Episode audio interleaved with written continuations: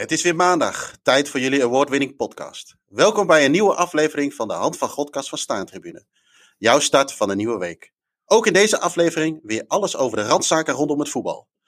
Um, we gaan het vandaag onder andere hebben over feestartikelen, the other final, uh, juichen voor een ander en uh, we hebben nog wat vakantietips. Ook in aflevering 33 hebben we natuurlijk ook weer onze vaste items. Uh, we hebben de Maradona quizvraag, uh, waarbij je het staantribune verrassingspakket kan winnen. We hebben weer een mooie uh, anekdote, een mooie anekdote van Hans Douw, uh, des Vaderlands. En Jelle Dame praat ons weer bij, de Nederlandse voetballer in Tsjechische dienst. Nou, nu mocht je misschien afvragen, hey, waar is de vergeten speler van, uh, van Jim deze week? Uh, ja, die is er niet. En we kunnen zeggen, hij is hem vergeten. Dat is een beetje flauw, want dat is, het niet, dat is niet zo. Maar uh, er ligt een mooie deadline voor het nieuwe magazine. Dus uh, deze week uh, geen vergeten speler. Maar we gaan ervan uit dat hij volgende week weer is. Mijn naam is Jeroen Heijink en tegenover mij zit Ino Diepenveen. Ino, goedemorgen. Goedemorgen, Jeroen. Ja, die fout kunnen we nu niet meer maken. En nu weer om uh, 12 uur de boel lanceren. En precies, geen biertje, maar koffie. Ja, heerlijk. Ja, ik uh, zit hier met een uh, lekker koffietje. Een beetje te herstellen van het, van het afgelopen weekend. hoe was jouw weekend? ik heb gevoetbald. Eindelijk oh. weer eens. Eindelijk 35 plus, hè. Dus dat verraadt een beetje mijn leeftijd misschien. en, Is dat wandelvoetbal of niet? daar, le daar leek het soms wel een beetje op, ja. ja maar uh, ging er nog wel fanatiek aan toe. Maar was wel weer even lekker. Ja, metertjes weer gemaakt. metertjes weer in de benen. Want jij voetbalt bij GVVV? Yes, ja. En dan en, moet ik denken aan het zesde of zo? Uh, ja, nou ja, in het eerste, maar dan wel van 35 plus. Dat is namelijk, oh, okay. dat is namelijk één team. Dus, uh, vroeger hoorde ik altijd als je in het eerste zat dat je lekker wijf. Maar, ja. maar dit is, dit is dan uh, jong onder, onder 40, heet dit dan? Ja, zoiets. Ja, zoiets, ja. Oké. Okay. En dan is het de voorbereiding of ga je dan, en, en, daar heb je ook competitie mee en zo, denk ik, of niet? Ja, daar is competitie voor. Maar dit was afsluiting van het seizoen uh, die er eigenlijk niet geweest is. Dus uh, oh, oké. Okay. introductie en de afsluiting in één. En, en zitten jullie bij jong onder 40 Dovo in de competitie? Ja, precies, precies. En, uh, bij Dovo en nog wat andere Venendaalse clubs. is een leuke, oh, leuke echt, competitie. Goede opzetten. nu was het nog. ja, echt een competitie. KNVB ook gewoon. Dus, en nu hadden okay, we onderling okay. toernooitje bij Dovo. En dat was allemaal goed geregeld biertje barbecue. Ja. Die ik helaas niet mee kon maken vanwege het werk, wat ook weer uh, stond te wachten. Dus ik heb me heel professioneel alleen op het voetbal toegelegd. Ja, ja en uh, je hebt nog even met, je, even met je hak van je schoen nog even de penalty stippen op het hoofdveld kapot gemaakt of zo. ja, het is kunstgas nu, dus dat, uh, dat, ja, nee, dat, dat, dat bedoel ik. Ja, ja dus, de, de middenstip is nog wel eens in het bierglas gegaan. Oké, okay. je kunt het natuurlijk nu niet helemaal zeggen, maar ik begrijp wel wat er gebeurd is. Zo uh, zijn er ooit een keer legendarische foto's gemaakt van een, uh, een uh, Pek Zwolle Go Eagles, van de sponsoren van Go Ahead, die een bolus op de middenstip naar de wedstrijd hebben neergelegd. Of in ieder geval een poging hebben gedaan tot. Maar ik denk dat dat soort dingen maar beter gewoon binnenskamers kunnen blijven en dat het niet, niet naar buiten komt. hey, Oké, okay, nou ja, goed. een mooie, ik ben zelf nog een beetje herstellende van mijn van mijn tweede vaccinatie. Uh, uh, dus uh, mocht ik wat warrig overkomen, dan zal het waarschijnlijk daaraan liggen. mocht de verbindingen ineens goed zijn, dan kunnen we de 5G-grap weer maken. En inderdaad, ja, ik ben ook magnetisch. De vrouwen die komen op me af. dus laten we vooral even kijken naar afgelopen week. ja, ik, ik, ik ben. Ehm, ik was heel even uit de EK-sfeer. Ik ben heel langzaam wel weer teruggekeerd. we hebben het eigenlijk nog niet echt over gehad. Hè. De vorige aflevering hadden we natuurlijk voor het, voor het weekend uh, dat, uh, dat Nederland speelde en ik naar, naar Spanje ging, uh, hadden we opgenomen. Dus we konden het niet echt over hebben. wil je er nog eventjes op terugkijken of zeg je van flikker maar op met het EK? Ja, ik, ik ben niet zo erg als jij dat bent, denk ik. Ik was er redelijk snel klaar mee. We hadden een kroegje afgehuurd en de karaoke ging één minuut na de wedstrijd weer vol aan de gang. dus ja. we waren het redelijk snel vergeten. En een dag later was natuurlijk die uh, die avond met die wedstrijden tussen Spanje en Kroatië en uh, wat was het? Frankrijk-Zwitserland. Dus, ja. Uh, daar heb ik wel weer genoten. Ja, ik ook. Dat was eigenlijk wel een beetje. Nou ja, wij hadden, zoals ik zei, ik, zat met een maat van me en, en overigens een Nederlander die ook in de, die in de buurt van Sevilla woont. zaten we in een soort bardancing slash kroeg Nederland-Tsjechië te kijken. En daarna zouden we naar België-Portugal gaan. Ja, het heeft mij wel ehm, het heeft bij mij toch wel diep in de tweede helft geduurd. Voordat bij mij een beetje het chagrijn eraf was. van die wedstrijd. Omdat je, nou weet je, we hoeven de, de wedstrijd niet te halen, maar hebben hem allemaal kunnen zien. Maar dat heeft wel even geduurd. heeft ook nog bijna gezorgd voor halve klepperij. Want ik stond, was echt in de modus van. we hadden natuurlijk een Nederland, Nederlands elftal shirtje aan. En dat was wel eventjes eventjes leiden langs al die Belgen de, gehele, de, rest van de dag. Ik was eigenlijk wel een beetje uh, pro-Portugal geworden. Want ik denk, nou ja, weet je, ik, ik heb met beide landen heb ik niet zoveel. Uh, maar ja, ik uh, werd zo geïrriteerd door al die Belgen. En waarschijnlijk was het andersom net zo geweest. Dus weet je, het hoort er ook allemaal een beetje bij. Maar er was er eentje die was net even iets te bij de hand. En uh, die moest daarna even het, uh, het hazenpad op. Uh, er was even één momentje te veel. En, maar goed, de wedstrijd zelf moet ik zeggen, de tweede helft was wel leuk. En, ik, het stadion, weet je, van de buitenkant is het, is het net een warenhuis slash grote parkeergarage. Wij kwamen daar aanlopen voor de wedstrijd. En toen zagen we vier hele grote lichtmasten. Ik dacht, wow. Ik zeg, oh gaaf dat ze toch nog wel van die, van die lichtmasten hebben. Maar dat was bleek achteraf een, eh, een trainingsveld ernaast. Okay. Dus het trainingsveld had enorme lichtmasten en het stadion niet. Maar uh, ik moet heel eerlijk uh, bekennen dat uh, ik het stadion, ondanks dat het zagrijn wat ik had, dus ik, eigenlijk ging alles fout. Want we, er was geen alcohol. Dat was de eerste plek waar geen, geen alcohol was, alleen maar alcoholvrij. We mochten ehm, uh, de catering mochten we niet opeten op de tribune, ook een rare regel. Hadden we, de Guardiërs viel alweer voor ons staan, omdat uh, mevrouw de Stewart ons weerwoord niet zo goed kon hebben, dat wij wel graag op de tribune wilden eten. maar ik kwam binnen en ik denk, ah, weet je, het, het, op tv ziet het er een beetje ongelukkig uit, vanwege die blauwe, ja, hoe noem je dat, banners of zo. dat hebben ze niet zo heel handig gedaan. En dat is op Wembley volgens mij laatst ook, zag ik. En, uh, maar goed, weet je, het is geen oldschool stadion, maar het viel mij heel erg mee. En uh, we trokken eigenlijk alle drie die conclusie wel een beetje. Dus uh, nou, uiteindelijk leuk potje gezien. En de volgende dag moet inderdaad, die, ja, dat was toch wel een memorabele EK-dag. We hebben de tweede wedstrijd, zijn we uit eten gegaan met z'n tweeën. nou, hele tapasmenu afvinken. En uh, toen zaten we met, het zat ook een groepje Belgen iets verderop, een groepje Spanjaarden en dan wij. zaten allemaal op ons eigen telefoontje te kijken. Maar wat je natuurlijk met je telefoontje krijgt, is dat je met je eigen verbinding loopt het hier en daar wat achter. Uh, wij liepen geloof ik als eerste. En, uh, maar ik had de link niet zo gelegd dat Spanje Frankrijk kon treffen. Maar het was wel vrij Hosanna toen Mbappé die hm. laatste penalty miste. Sowieso omdat ik, ik ben niet zo Mbappé-fan qua persoonlijkheid. Sowieso geen Frankrijk-fan. Dus wij stonden al bijna op de tafel te dansen. Maar ook het hele, hele, ja, hele plein met alle appartementen en huizen die er omheen waren, was het één groot feest. Dus dat was, uh, dat was wel mooi. Maar goed, dat was ook wel meteen het EK, want uh, je kunt daarna nergens uh, naartoe natuurlijk. Nee. En als je dan ook een beetje hoort dat nu in die halve finales en potentiële finale met andere landen, dat daar niemand naartoe kan, tenzij je in, in het Verenigd Koninkrijk woont, is natuurlijk een beetje, beetje triest en sneu. En aan de ene kant snap ik het ook wel weer een beetje, maar ja, Hongarije kon het, in Baku kon het ook, hè. daar mocht je ook alleen heen als je, als je een wedstrijdkaartje had. Ja. Het is wel jammer dat dat in Engeland niet kan. Ja, precies. Maar goed, it's coming home. Of niet? Uh, ik vond ze niet, ook weer niet heel overtuigend tegen... Nee, maar laten we het even ophopen. En ja, anders, la, anders Denemarken, toch? Ik, heb, uh, ik, ja, ik, heb, uh, ik hoop in ieder geval dat de Spanjaarden het niet wonnen. Ik heb een beetje een, ook wel, misschien komt dat ook wel door die wedstrijd in, in Rome waar ik bij ben geweest, een beetje sympathie dit toernooi gekregen voor de Italianen.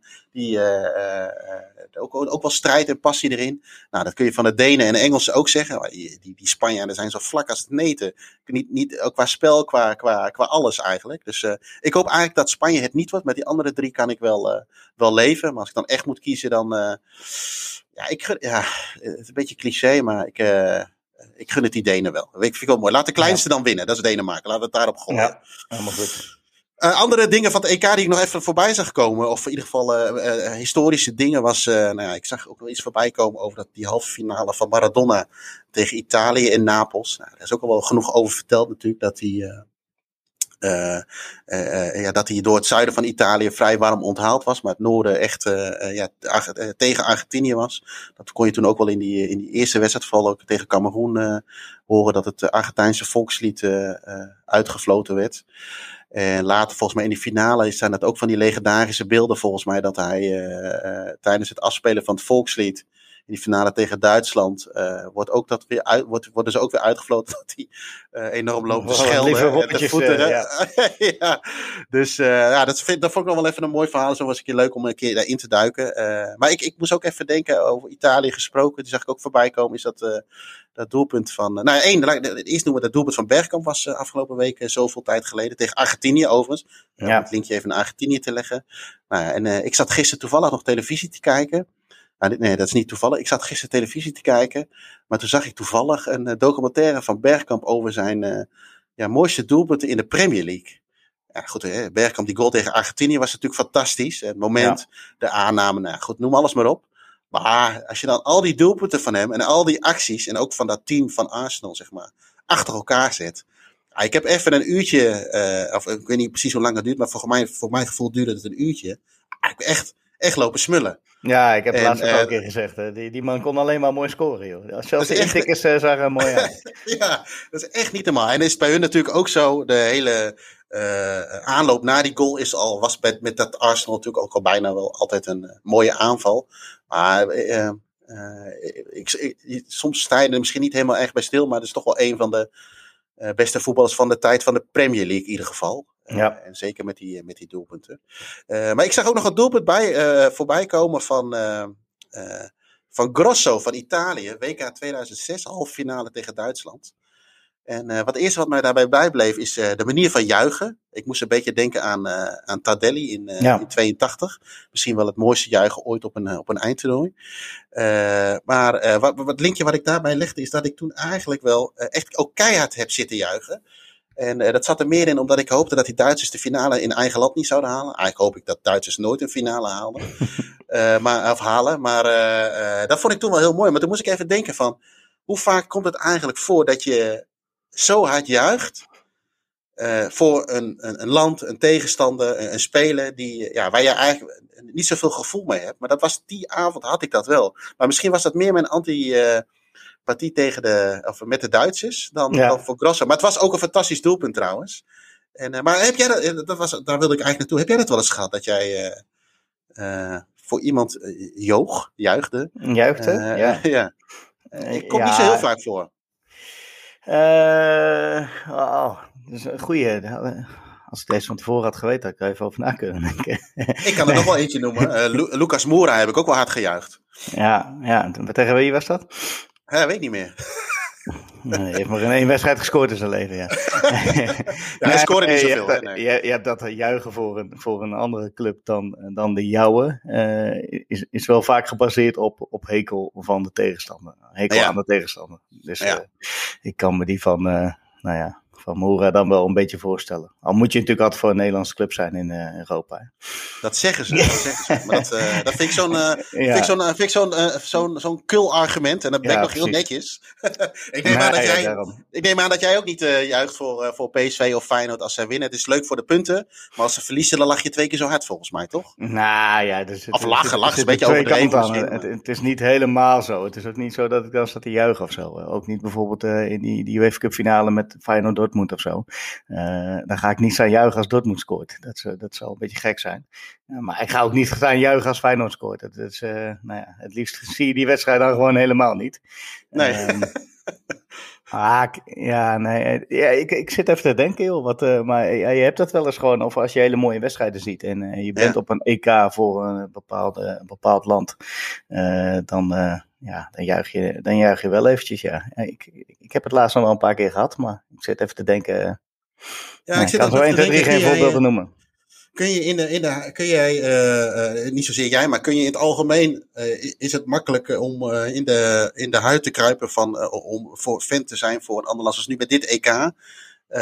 Ik heb niet zo heel snel van, nou, nu ben ik, omdat Nederland er niet meer bij is, ben ik voor Denemarken of voor Italië of voor Spanje. Dat, dat, dat heb ik helemaal niet zo. Ik heb toch wel een beetje dat, uh, dat chauvinistische, dat ik denk van ja, weet je, als uh, Nederland hem niet wint, dan hoeft voor mij niemand hem te winnen. Uh, moet ik overigens wel trouwens zeggen, ik vind dit wel een heel leuk EK. Even los van die, vanaf, ja. ronde, vanaf de ronde drie in de pool, zeg maar, dat die, dat die derde plek mee ging spelen. Ja. tot aan nu is het eigenlijk best wel een best wel leuk EK, wordt veel gescoord. ik denk dat het ook allemaal mee te maken heeft dat het een lang seizoen is geweest, veel blessures ook wel. Maar het is gewoon best wel leuk om naar te kijken. Ja, maar, maar ik, ik, ik, ik kan niet zo denken, oh, ik ben nu ineens, uh, ineens voor Denemarken of voor een andere club of een ander land. Ik heb daar meer eigenlijk altijd een beetje van, nou, laat de rest, uh, laat de rest maar niet, uh, niet winnen. Nee, maar ja, wat jij net ook zegt. Er zijn gewoon een aantal landen bij die het niet gunt. En dan, dan ga je automatisch wat harder juichen voor de tegenstander. Ik, ik denk dat dat dit EK bijvoorbeeld met Zwitserland had tegen Frankrijk. Dat vond ik wel mooi. En, ja. maar die, die speelde ook gewoon echt heel goed. En dan, dan, dan gun ik het zo ook wel. Wil, wil jij nog iets zeggen over het juichen van Pogba? Oh, ja, Bij de 3-1. Hoeveel van die kunstjes deed hij? voor al zijn beste vrienden deed hij er één of zo. Eh, verschrikkelijk. Ik, denk... En wat, ik, eh, wat je wat ik dan ook zo erg vind? Er werd in diezelfde wedstrijd echt een werelddoelpunt gescoord door Benzema. Die hem echt over Bergkamp gesproken. Tegen Newcastle. Nou, daar vergelijken we hem een heel klein beetje mee. Maar dat is echt een onderbelicht doelpunt. In die, in die top drie van die uh, uh, NPO, hoe heet het? sport, mm -hmm. hoe heet dat programma eigenlijk? Studio Europa. Studio Europa, ja. ja. Er staat al dagenlang die, die goal van Pogba. Ja, dat is leuk, een afstandsschot die de kruising in vliegt. Maar die van Benzema was natuurlijk tien keer mooier. Veel knapper ook. Ja, toch? Dus, ja. Maar goed, ja, Benzema is natuurlijk ook wel een fenomeen, vind ik. Vind ik echt een topspits.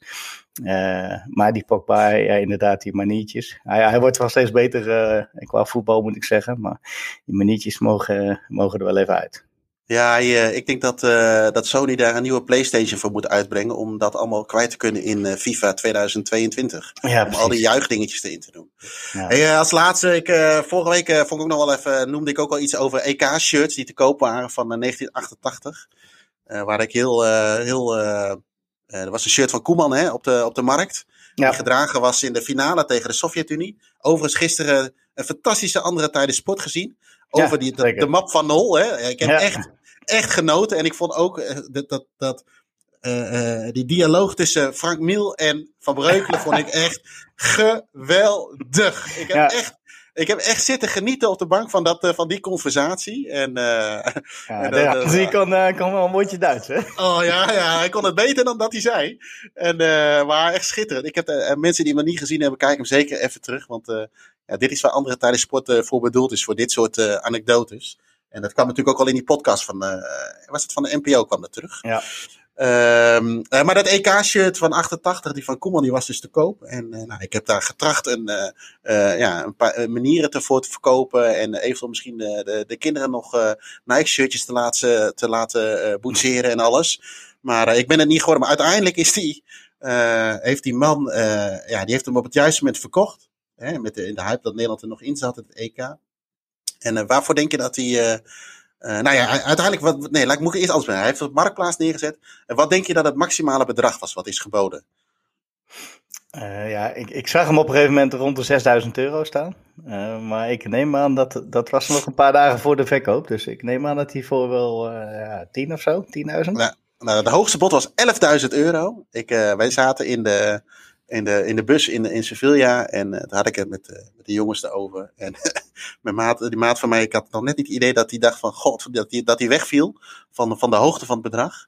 Nou, uiteindelijk heeft die gozer heeft, uh, van de mensen die geboden hadden allemaal een zesnummer gevraagd. En we mochten allemaal nog één bod doen, zodat hij kon, een beetje kon herleiden of het een of het een, uh, wie, wie er serieus was. Want op Marktplaats kun je natuurlijk gewoon iets neerzetten. Ja. Nou, ik heb ook weer een heel bescheiden bod gedaan met het idee van, nou, stel nou dat al die andere gasten niet kunnen betalen, dat hij dan alsnog, uh, uh, dat ik het iets van het elfde been ben of zo, zoiets. En, maar uiteindelijk bleek, de, sprak ik nog een andere jongen, die had overigens, uh, kwam die in diezelfde appgroep op een gegeven moment mee aan. Uh, die had het shirt van Vanenburg, nummer 7. Ik denk, godverdorie. Dus daar had ik ook meteen even gekeken. Maar die wilde hij nog niet, nog niet kwijt. Hij, was, hij is Ajax verzamelen. Hij zegt, misschien uh, ooit als ik hem moet verkopen, dan hou ik je even in, in, in, in de gaten. Maar er was één iemand, die, diezelfde jongen, die had, had 7800 euro geboden. Dat was hem niet geworden. Hij, hij heeft uiteindelijk niet kenbaar gemaakt wie het is geweest. Maar waarschijnlijk is het wel die, die jongen geworden. En we hebben nog gedacht met een aantal van, nou, weet je, misschien moet het geld bij elkaar gooien. Om te zorgen dat het shirt in Nederland blijft, dat het tentoongesteld kan worden of iets dergelijks. Want uh, waarschijnlijk gaat het nu naar Azië. En zullen we het, uh, zullen we het waarschijnlijk nooit meer terugzien. En dat is natuurlijk okay. aan de ene kant wel, uh, wel jammer. Ja. Want het is natuurlijk een mooie artikel om over Maar dan had je gewoon laten roleren op de schoorsteenmantel. Uh.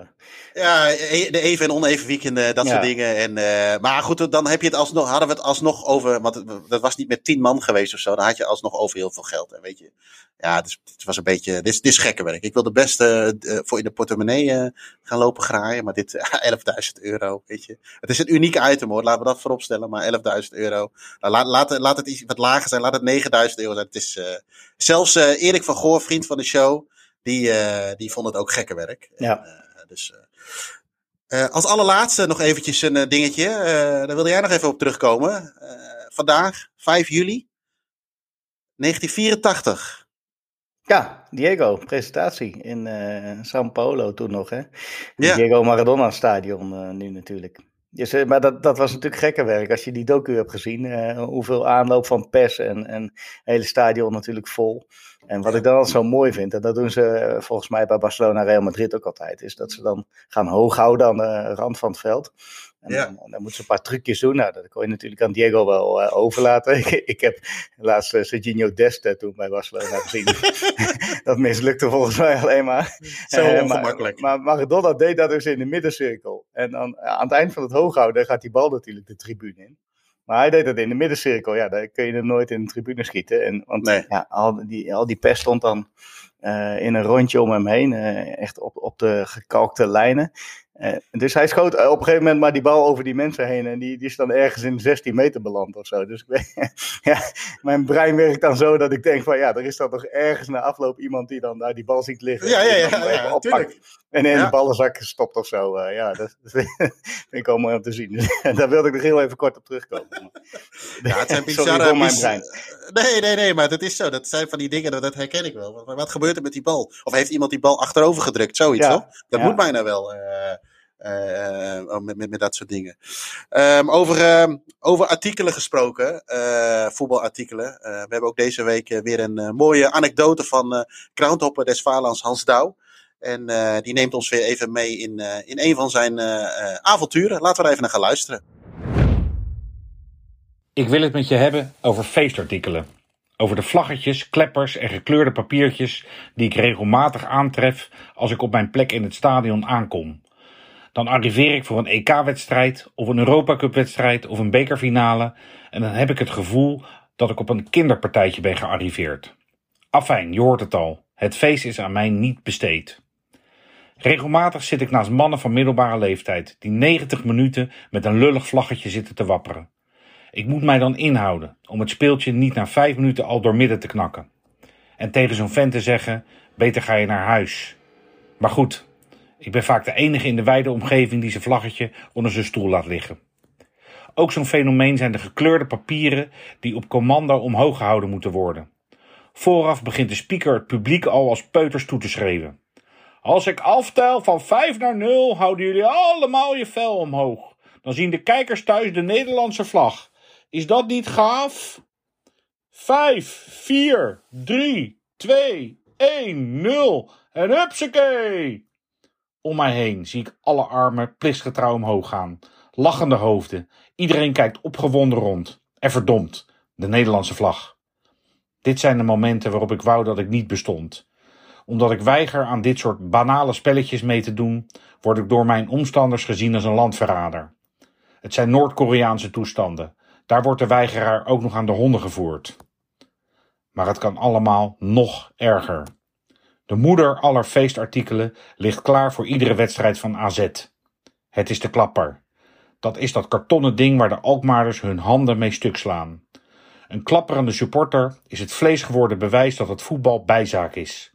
Dat je supporters alles kunt laten doen, zolang het gratis is. Wat altijd opvalt, is dat de klapperende AZ-supporters niet lachen. Nooit. Integendeel. Ze klappen plichtmatig en met een holle blik alleen maar omdat de buurman ook klappert. Wat mij betreft geven we de bovenste helft van de provincie Noord-Holland terug aan de natuur.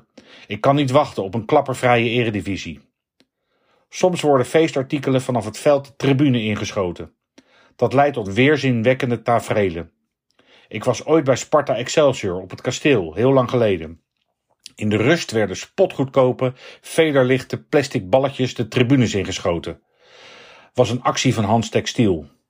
Op iedere plek waar een balletje landde doken tien supporters op mensonterende wijze over de stoelen om de gedroomde gadget te veroveren. Drie rijen voor mij vloog een kwieke veteraan op een balletje af. Er ontstond een menselijke stapel, maar hij had het vehikel klemvast. Toen hij eenmaal ontzet was, hield hij de prooi trotslachend in zijn rechterhand vast. In zijn andere hand zat zijn verbrijzelde bril van minimaal 800 euro, die bij de worsteling toto los was gedrukt. Ik geloofde mijn ogen niet. De verovering van een waardeloze prul veroorzaakte bij hem een totale bewustzijnsvernauwing. Hij was dolblij, ondanks de enorme schade die hij had geleden. De kwieke veteraan zag werkelijk niets van de tweede helft, alleen maar een dikke waas. Hoe hij thuis is gekomen, zal ik nooit weten. Feestartikelen. Feestartikelen zijn geen feest. Laten we de kleppers, papiertjes en vlaggen aan Tialf doneren. Dan kan ik weer rustig van voetbal gaan genieten. Ja, feestartikelen in een stadion. Het, het is al een combinatie van niks natuurlijk, die woorden bij elkaar. Ja, precies. Geen uh, klepperij, maar klapperij. ja, dat is wel een mooie trouwens. Heb jij wel eens zo'n... Uh, ik, ik weet dat ze het bij Goed één keer geprobeerd hebben, uh, van die klappertjes. En die werden allemaal op het veld gesodemieterd. Ja. En bij de club enigszins duidelijk gemaakt van ja, dit gaan we hier niet doen. Ja, we hebben, bij GVV hadden we toen ook een keer bij een kampioenswedstrijd tegen Spakenburg in uh, het Volendamstadion. Toen wilden ze dat ook doen. Maar goed, ja, daar gaat er natuurlijk heel veel, gaan er heel veel mensen mee die ook weinig in een stadion komen. Dus die vinden dat op de een of andere manier toch leuk of zo.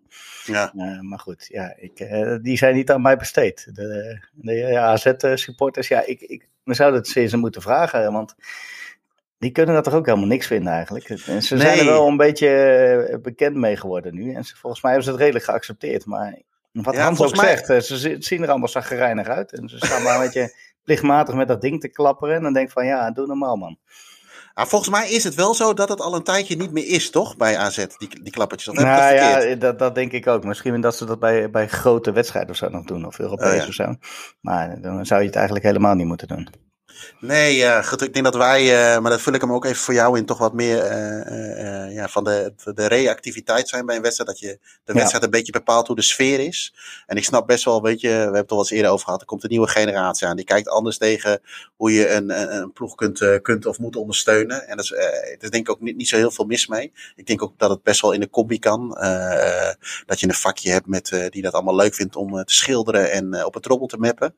En gasten die wat ja, iets anders qua fanatisme erin zit. Ik denk dat de graafschap daar wel een beetje een uh, goed voorbeeld van is. Hè? Die hebben ook volgens mij toch twee vakjes. Ja. Uh, of vakjes, sorry, dat klinkt een beetje denigrerend. Twee vakken met uh, uh, twee verschillende typen supporters. Ja. Dus nee, ik, ik, heb, ik, ik heb het ook. Ik heb er met die vlaggetjes niet, met die artikelen. Ik, moet, ik moest inderdaad ook wel even denken, zoals Hans het noemt, met, dat, met die, met die, noem je dat, die tifo-acties met die, met die blaadjes omhoog houden. Hans is dus eigenlijk die ene Noord-Koreaan die zich geslapen heeft. ja. Van, is dat centraal beheer, denk ik? Ja, hè? Even ja, bellen. Ja, ja, Dus daar moest ik meteen even aan denken. Dat vond ik een geweldige reclame. Maar dat is dus eigenlijk Hans Touw. Dus hij, ja. uh, hij maakte de vergelijking uh, wel mooi. En uh, nee, dat, ehm, dat is, ja, nee. Ehm, het is allemaal een beetje meuk. En inderdaad, gooi het allemaal naar Tialf. Ik weet niet of je ooit was in Tialf geweest bent bij het schaatsen. Ik ben er één keer geweest. En ik ben er redelijk gillend weer weggegaan. dat is niet aan mij besteed. Maar ieder zijn, ieder zijn ding vooral. Laten we dat ook vooral even benoemen. Ja. Um, Iets anders, uh, Ino. Uh, jij uh, appte mij van de week over een mooi item. De andere finale, oftewel de other final. Ja. En ik zie jou, wij moeten onze naam invullen als wij inloggen om deze podcast op te nemen. Ik doe altijd heel netjes podcast staan, tribune. En ik zie bij jou de naam Arie Schans. Ja, zeker. Leg uit. Ja, ja, dat is leg uit, leg uit. Ten eerste local hero in Veenendaal. Hij is in twee periodes trainer geweest van mijn clubpie aan het begin van deze eeuw was hij zelfs de eerste fulltime amateur trainer, dus eigenlijk proftrainer dan ook. Hè. Um, en in die periode ging hij uh, naar Bhutan om bondscoach te zijn tijdelijk uh, tijdens deze wedstrijd, de Other Final. Dat was deze week zoveel jaar geleden, zeggen we dan. 19, mooi. 19, 19 jaar inderdaad, rondom de WK-finale 2002, waar Nederland natuurlijk niet bij was. Die finale ging uiteindelijk tussen Duitsland en Brazilië.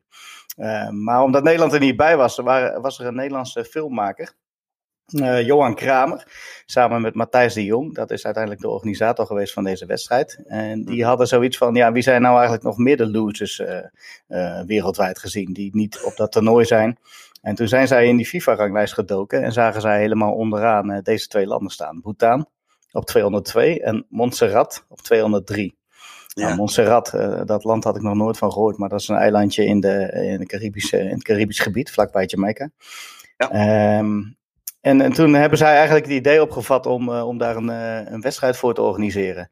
Ehm, en die uiteindelijk in Bhutan te laten spelen en uh, daar dus een docu van te maken. Heb je die docu gezien of niet? Ja, ja heel lang geleden al wel trouwens, dus, ja. maar inderdaad. Ja, ik had hem ook inderdaad tijd geleden gezien en dus afgelopen week nog maar een keer hiervoor. Misschien is het nog wel een keer leuk om, om daar nog een keer een aparte podcast voor te maken. hopelijk met Arie Skans. Ja, dat zou wel tof zijn. want dat zou inderdaad heel, heel gaaf zijn. Maar sowieso voor liefhebbers uh, van staantribune. Het hele idee erachter is natuurlijk uh, mooi.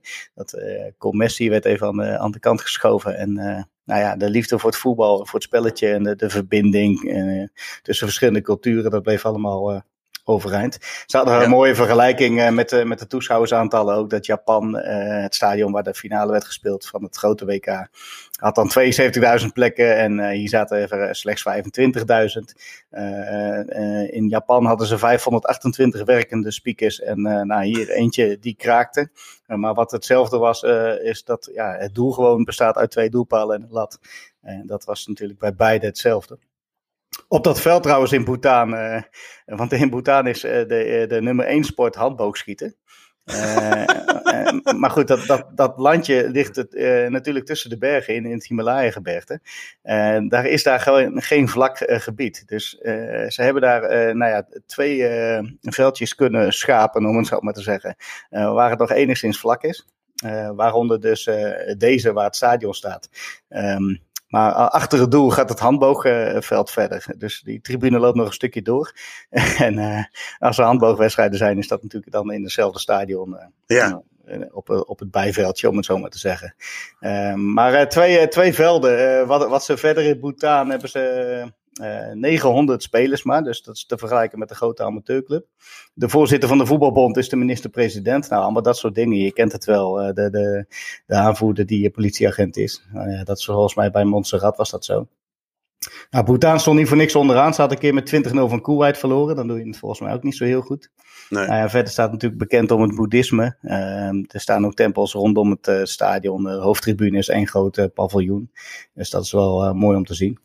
Uh, maar Montserrat, uh, dat is nog kleiner. Dat heeft 5000 inwoners en maar 150 voetballers. Uh, ja, dan sta je wel. Dan, dan, kun je niet heel erg opklimmen op die lijst, denk ik. ze speelden wel in groene Admiral shirts in die wedstrijd. Dat vond ik oh, wel mooi om te zien. Verder is het een vulkanisch eiland. En het wilde nog wel eens gebeuren als ze daar trainden. Dat ze de as die daar nog rondvloog in de ogen kregen. Niet zo heel best. Uh, wat verder van Montserrat komt is uh, Arrow. Ik weet niet of je die nog kent, maar dat is van dat uh, liedje van Feeling Hot Hot Hot. En die, oh ja, die, die, die, loopt een beetje als een rode draad door, door die docu heen. Zij hebben zeven vluchten erover gedaan om van Montserrat naar Bhutan te komen. Goeie, goeie vink. Ja, precies. En, uh, ze zijn onder andere langs Schiphol gekomen. En dan zie je dat, dat ze op Schiphol ook nog dat, dat liedje aan het, uh, aan het spelen zijn. Uh, wat tof om te zien. En wat ik zei, die politieagent die, die was inderdaad captain van, van Montserrat. En niet van Bhutan. maar ze hadden nog een Engelse coach die nam ontslag voor de wedstrijd. Dus ze moesten op het laatste moment op zoek naar een nieuwe coach. Nou, Bhutan ook. De, de bondscoach van Bhutan namelijk was overleden. Oké. Dat is helemaal minder. Uh, en, en, daar werd dus Arie Schans voor uh, ingevlogen. En die was dus op dat moment trainer, wat ik zei, van uh, mijn clubje GVV. Ja. en nam zijn schoonzoon mee, die die een aantal jaar eerder vanuit Japan, vanuit een universiteitsteam had laten overkomen. Keiji Akawa, in de volksmond beter bekend als Casey. Uh, maar die kon er wel wat van. Die speelde, dat is een mooie, mooie speler uh, bij ons in de regio uiteindelijk geweest. Uh, maar die ging als 8 mm cameraman mee om voor die docu te filmen. Dus dat is ook wel een leuke, leuke anekdote. En Arie Schans zelf heeft zijn vakantie voor, naar Zwitserland ervoor opgegeven om nou ja, tijdelijk hier bondscoach te zijn. Kreeg even snel een, een blauw trainingspak aan van Bhutan. Maar had daaronder nog zijn, uh, zijn KNVB-polo, uh, waar hij op dat moment ook uh, een scout volgens mij voor scoutingswerk voor deed. Dus dat, dat zijn altijd wel van die mooie beelden die je in zo'n docu dan terug ziet komen.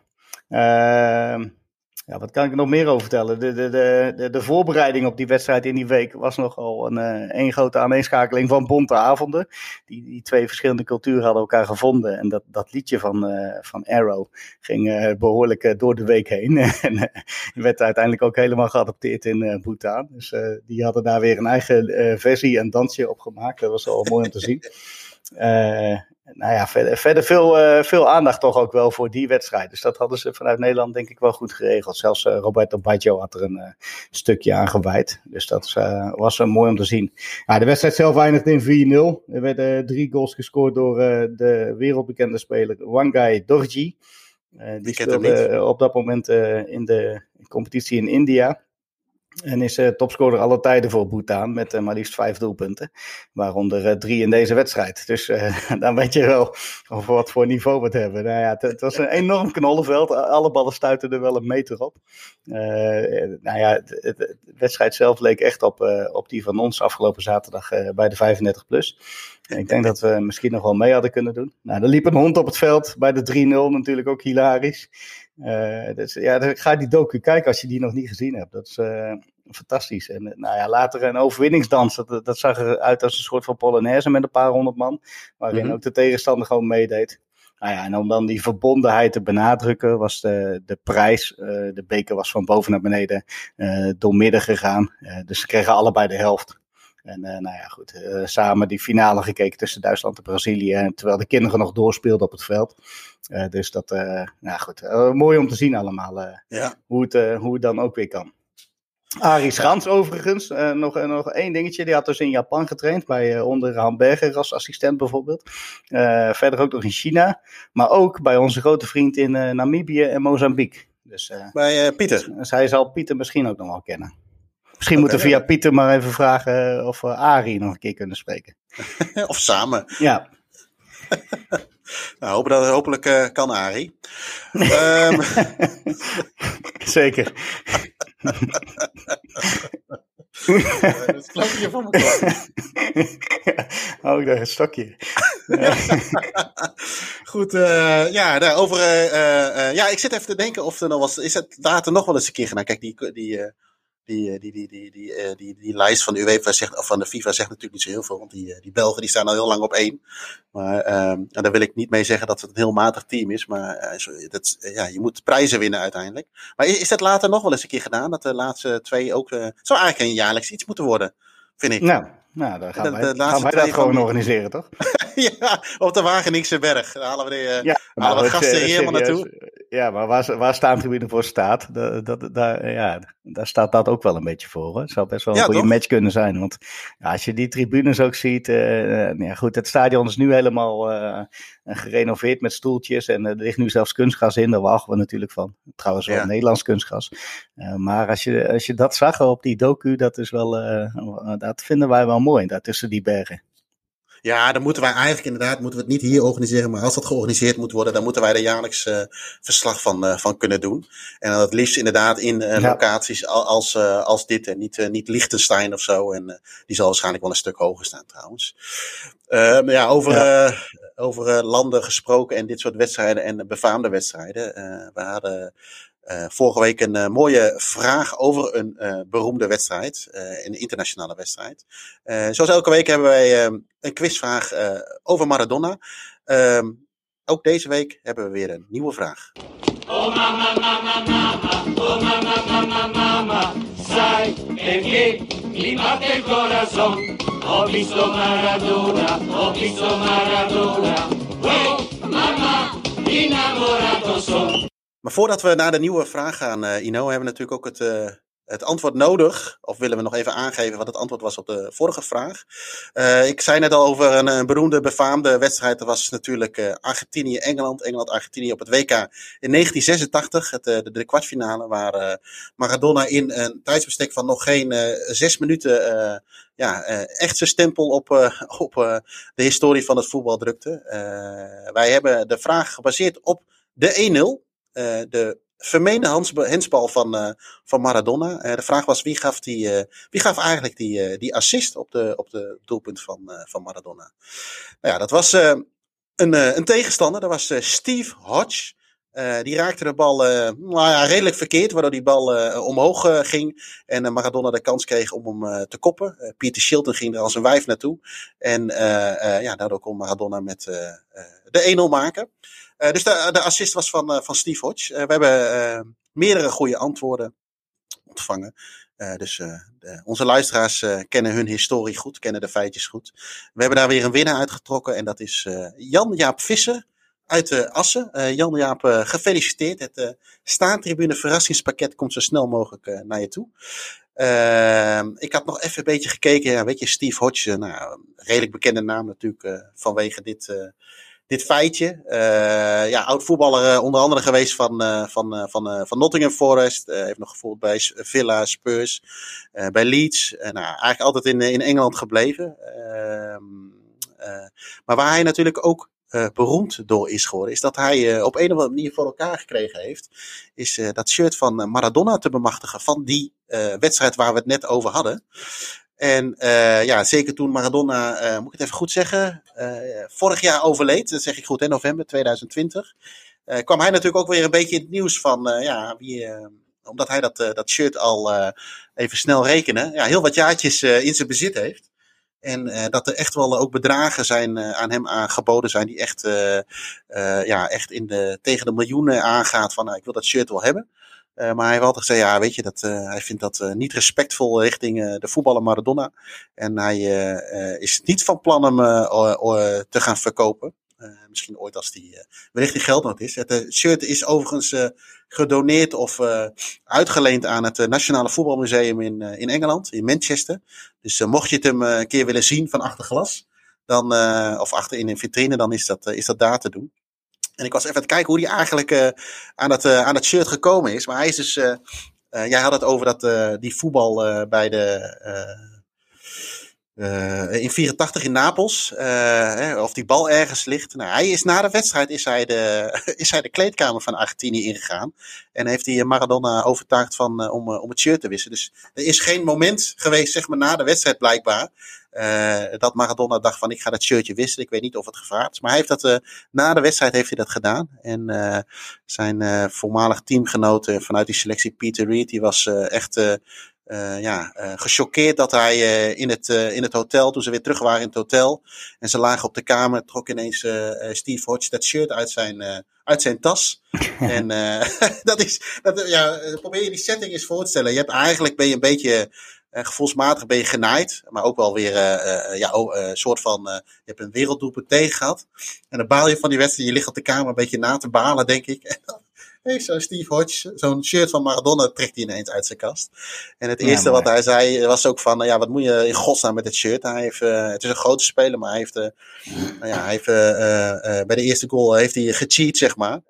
Maar goed, Steve die zat daar wat, wat, wat lichter in. En nou ja, hij geeft nogmaals... Nou, ja, nog steeds niet helemaal aan... bekend, toch? Of het uh, was het Nee, ik, uh, ik, ik, geen idee. Ik heb wel laatst gezien trouwens, dat, die, dat die bal van, van Hurst in 66 wel over de doellijn is geweest. Ik kwam oh, toevallig van de week tegen. Hebben ze zo'n animatiedingetje voor gebruikt. En dat die ook echt, echt goed over de lijn was. Dus het was gewoon een doelpunt. Dus die, die grens die niet meer leeft. Bagarov, zeg ik dat goed? Grensrechter 1966 WK-finale. Uh, die kan uh, nu rustig echt, uh, echt gaan rusten, dat het gewoon een ja. doelpunt was. maar we hebben natuurlijk ook weer een, een nieuwe vraag voor deze week. uiteraard Maradona gerelateerd. Um, voor de, gaan we een beetje, klein beetje sponsoring doen, maar voor de mensen die het nieuwe boek van Joris van der Wieren al gelezen hebben en dat fotografisch in hun fotografisch geheugen hebben opgeslagen, zal dit waarschijnlijk een eitje zijn.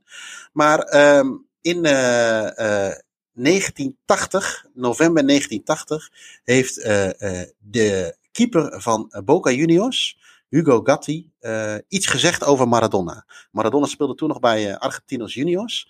Zou niet heel veel later naar, naar Boca trouwens gaan. Maar wat was de opmerking van Hugo Gatti over Diego Maradona? Nou nogmaals, mocht je dat uh, boek gelezen hebben, dan, uh, dan zal dat uh, waarschijnlijk een eitje voor je zijn. mocht jij het antwoord weten, dan kun je die sturen naar podcast.staantribune.nl. vermeld daar ook in jouw naam en jouw adresgegevens. mocht jij de winnaar zijn, dan kunnen wij jou die prijs gaan opsturen. Oh mama, mama, mama, mama,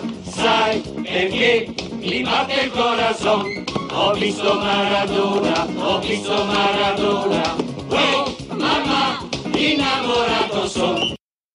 Goed, dat was de vraag van, uh, van deze week. Uh, uh, Ino, heb jij, jij, had het, jij, had wel, jij had boek nog niet helemaal gelezen, geloof ik, hè, van, van Joris, Voetbal Stad Buenos Aires, deel 2. Overigens, volgens mij gewoon aan te schaffen in de webshop van Staantribune. Einde reclame. had je het boek al gelezen? Nee, nee, deel 1 en deel 2 bewaar ik netjes voor de vakantie. Dus nog een paar weekjes en dan gaat hij langs het zwembad maar eventjes uh, uh, gelezen worden, denk ik. Wel even doorgebladerd en dan kijk ik altijd als eerste natuurlijk even naar de foto's en zo. Maar ja, ja. ik had jullie reis redelijk bijgehouden op de podcast en alle andere media. dus ik, ik weet een klein beetje wat ik kan verwachten, maar waarschijnlijk gaan jullie me nog wel verrassen met wat uh, nieuwe dingetjes. wellicht, wellicht. ja. uh, over, over verrassen gesproken. Ja, ik weet niet of het echt verrassend is, maar nee, het is eigenlijk niet verrassend. We hebben elke week ook een item Bellen met Jelle. En dan praat Jelle ons even bij over zijn avonturen als voetballer in, in Tsjechië. Hij speelt voor Praag Raptors. inmiddels gepromoveerd. En hij wil graag weer even laten weten hoe het met hem gaat.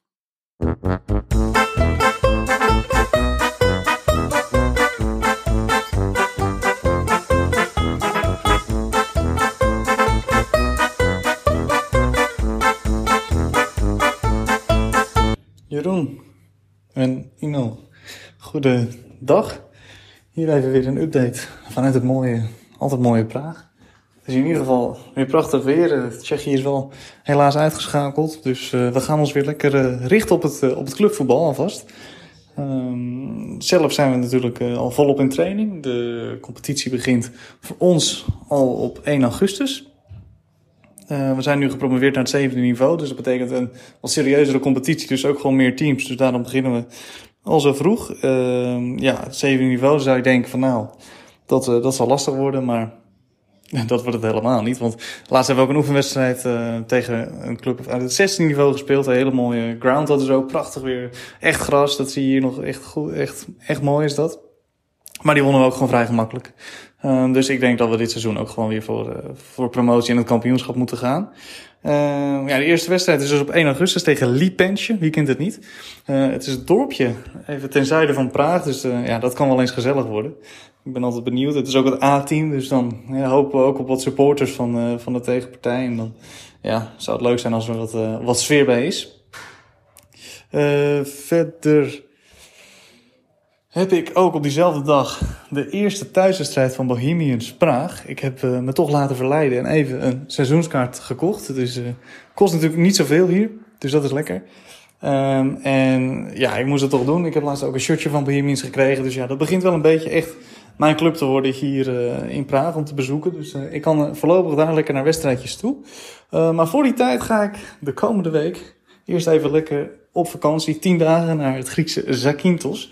En ja, wat doe je dan als, uh, als voetballiefhebber en, en misschien wel groundhopper? Dan ga je natuurlijk even kijken of er, of er wedstrijdjes zijn. Nou, de, lokale APS Zakynthos, die spelen play-offs. Die zijn nou, bovenaan geëindigd in hun pool. En die spelen nu play-offs om ook echt te mogen promoveren. Volgens mij moet ik het zo zien. Dan spelen ze tegen Tiella. Uh, dus daar ben ik gewoon heel benieuwd naar. Ik had ze al een bericht gestuurd op Facebook of, of het allemaal open is. Misschien een shirtje hier of daar. Maar daar heb ik geen reactie op gekregen. Maar goed, ik ga er gewoon lekker op de Bonnefoy heen uh, komende week. En dan zien we het wel. En mochten andere mensen ervaring hebben, dan uh, hoor ik het graag even. Dan uh, laat het even weten. Dan ben ik wel erg benieuwd naar of dat een beetje de moeite waard is om die club te bezoeken. even kijken, wat heb ik nog meer? Ja, verder afgelopen week zouden we eigenlijk, afgelopen weekend zouden we eigenlijk die berg beklimmen. Waar ik eerder met jou over had, Jeroen, via de telefoon.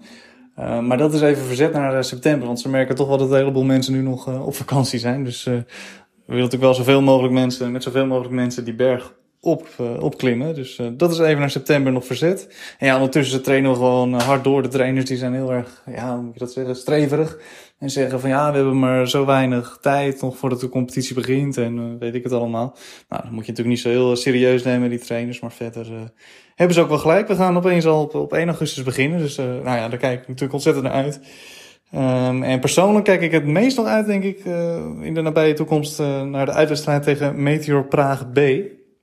Ik ben bij, de, bij, die, uh, bij dat A-team geweest om een wedstrijdje te vinken. Ja, die hebben zo'n mooi, mooie ground. Dus ik hoop dat we dan op diezelfde ground spelen. En dat is op 29 augustus spelen we uit tegen dat B-team. Dus nou ja, hopelijk spelen we daar dan in, in Praag 8. Maar goed, eerst dus even op vakantie en volgende week verslag vanaf APS Zakynthos.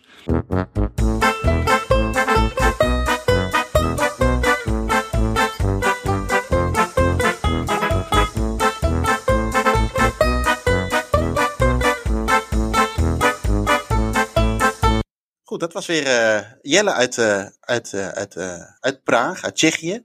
maar het eerste wat me even opviel bij het beluisteren van zijn, van zijn fragment is dat hij een trapt in een klassieke Nederlandse valkuil.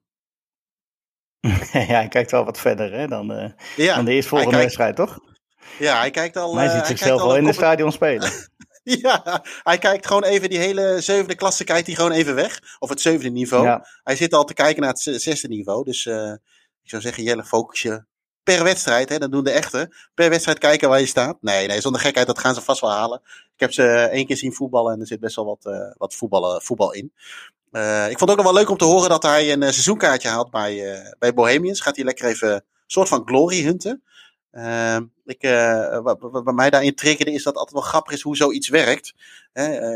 als je op vakantie bent of zo en je bent toevallig een keer ergens bij een plaats geweest of bij een club dan heb je toevallig de stadionlampen gezien, dan blijft dat altijd wel een beetje hangen.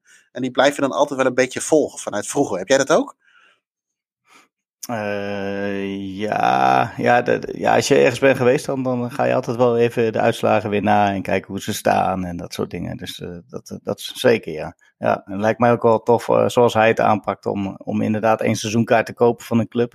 Uh, en dan verder gewoon, uh, nou ja, buiten je eigen potjes om natuurlijk, uh, de overige clubs te volgen. Want dat kan in Praag, denk ik, behoorlijk veel. Ik moet daar nog een keer naartoe. Maar als ik jullie verhalen en podcasts heb gehoord, dan, dan moet dat wel goed komen, denk ik. met ja. al die wedstrijden op vroege tijdstippen en dat soort dingen. Nee, zeker. zeker. Dat, dat is uh, zeker een aanrader. Een van de leuke, leuke steden om dat, uh, om dat te doen. Uh, ja, goed. Wat, uh, wat gaan we deze week gaan we nog meer doen? we, gaan dus, we hebben afgelopen week natuurlijk een podcast gehad over het uh, op het EK met, met Hans, en, Hans Douw en, en Joris van der Wier. Ga die zeker nog even luisteren. over onder andere hoe Hans aan kaartjes kwam voor Nederland-Ierland in 1988 bijvoorbeeld. Of hoe Joris tussen de fanatieke Oekraïners stond. Te genieten van de wedstrijd die in Glasgow gespeeld werd. Deze week ga en ik met. en, en de dames, inderdaad. De dames, ja. inderdaad. En deze week gaan we een podcast opnemen samen met Hugo. Gaan we wederom onze muzikale hitlijst weer, weer laten horen. En waar dit keer de clubliederen centraal staan. Die is donderdagavond om 8 uur weer netjes online. We kregen overigens ook nog een hele, hele, hele mooie tip binnen van een van onze luisteraars. Met een, vorige keer vroegen wij om van, goh, hebben jullie ideeën? Laat het ons zeker weten. Zo eindigen we eigenlijk ook elke podcast. Maar we kregen een hele mooie tip van Stan Grijdanus. ik kan nu daar grappen over gaan maken over de achternaam, maar dat ga ik niet doen. Want omdat hij namelijk een heel mooi, uh, mooi idee had. En dat is over ja, tips voor of tijdens vakanties. Van, hè, ja, tijdens, wat hij aangeeft is, tijdens vakanties kijk je net als jullie altijd rond of er nog leuke potjes in de buurt zijn. Soms loop je tegen mooie pareltjes aan. met andere woorden, ja, wat zijn eigenlijk jullie leukste ervaringen of tips? Misschien per land of iets dergelijks. nou ja, hij had zelf een mooie ervaring in in, in een Portugees dorpje waar zij elk jaar kwamen. En er was er ineens een, een onderling oefenduel tussen bijna de volledige Portugese nationale selectie. Met onder andere João Pinto, Pinto sorry, ik ben nu even de Frank Snoeks aan het uithangen. Paulo Futre en Fernando Couto. en ja, dat werd daar dan ineens gespeeld op een, op een amateurcomplex. Nou ja, dat zijn natuurlijk de, de mooie anekdotes. Ehm, ik denk dat wij daar zeker wat over gaan vertellen. Die gaan wij voor volgende week donderdag inplannen. Uh, bij deze eigenlijk een oproep aan uh, onze luisteraars. Hebben jullie mooie tips of anekdotes zoals Stan? laat het ons weten. Ehm, net zoals jullie misschien gewend zijn van de laatste paar keren. Stuur ons een mooi audiofragmentje in met jouw mooiste anekdote of jouw mooiste tips waar jij geweest bent en wat je zelf ervaren hebt. maak het niet te lang. probeer het binnen de één of twee minuten te houden. En wie weet zien we jou of horen we jouw tip terug in, in, in, in de podcast van, van volgende week. Ehm, jij bent veel nog wel naar Griekenland geweest, uh, Ino. Heb je daar wel eens voetbal gekeken tijdens je vakantie? Ja, ik heb daar één, keer een wedstrijdje gezien. Meestal probeer ik wel gewoon vakantie te vieren. ja, hè, het is uh, dat, dat bekende stukje van kijk, schatsen spelen thuis. Maar nee, dat het eilandje waar wij gaan, daar wordt niet zo heel veel gevoetbald. Maar we hebben daar één wedstrijd gezien tussen ook weer Oud-Griekenland en en een lokaal uh, horeca-elftal, geloof ik. Uh, dat was uh, een of andere benefietduel voor een omgekomen straaljagerpiloot.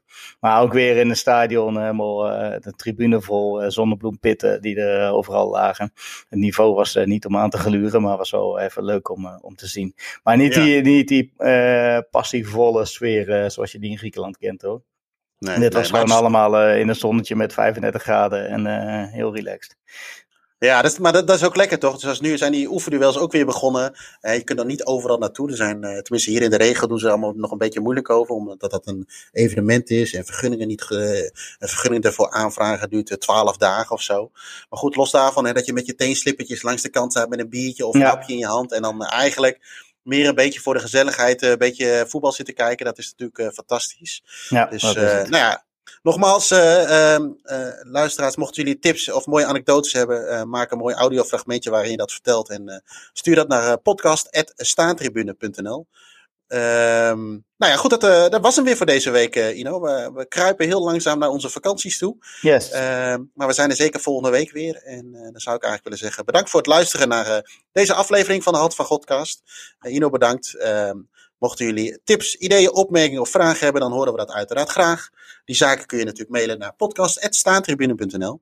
En uh, mocht je dit nou een hele toffe podcast vinden, dan uh, zouden we het leuk vinden als je op uh, iTunes een recensie achterlaat bij de podcast van Staantribune. En voor nu het woord aan vriend van de show, Ed de Jong. Dat was hem weer, snuiters. Tot volgende week. Fantastisch.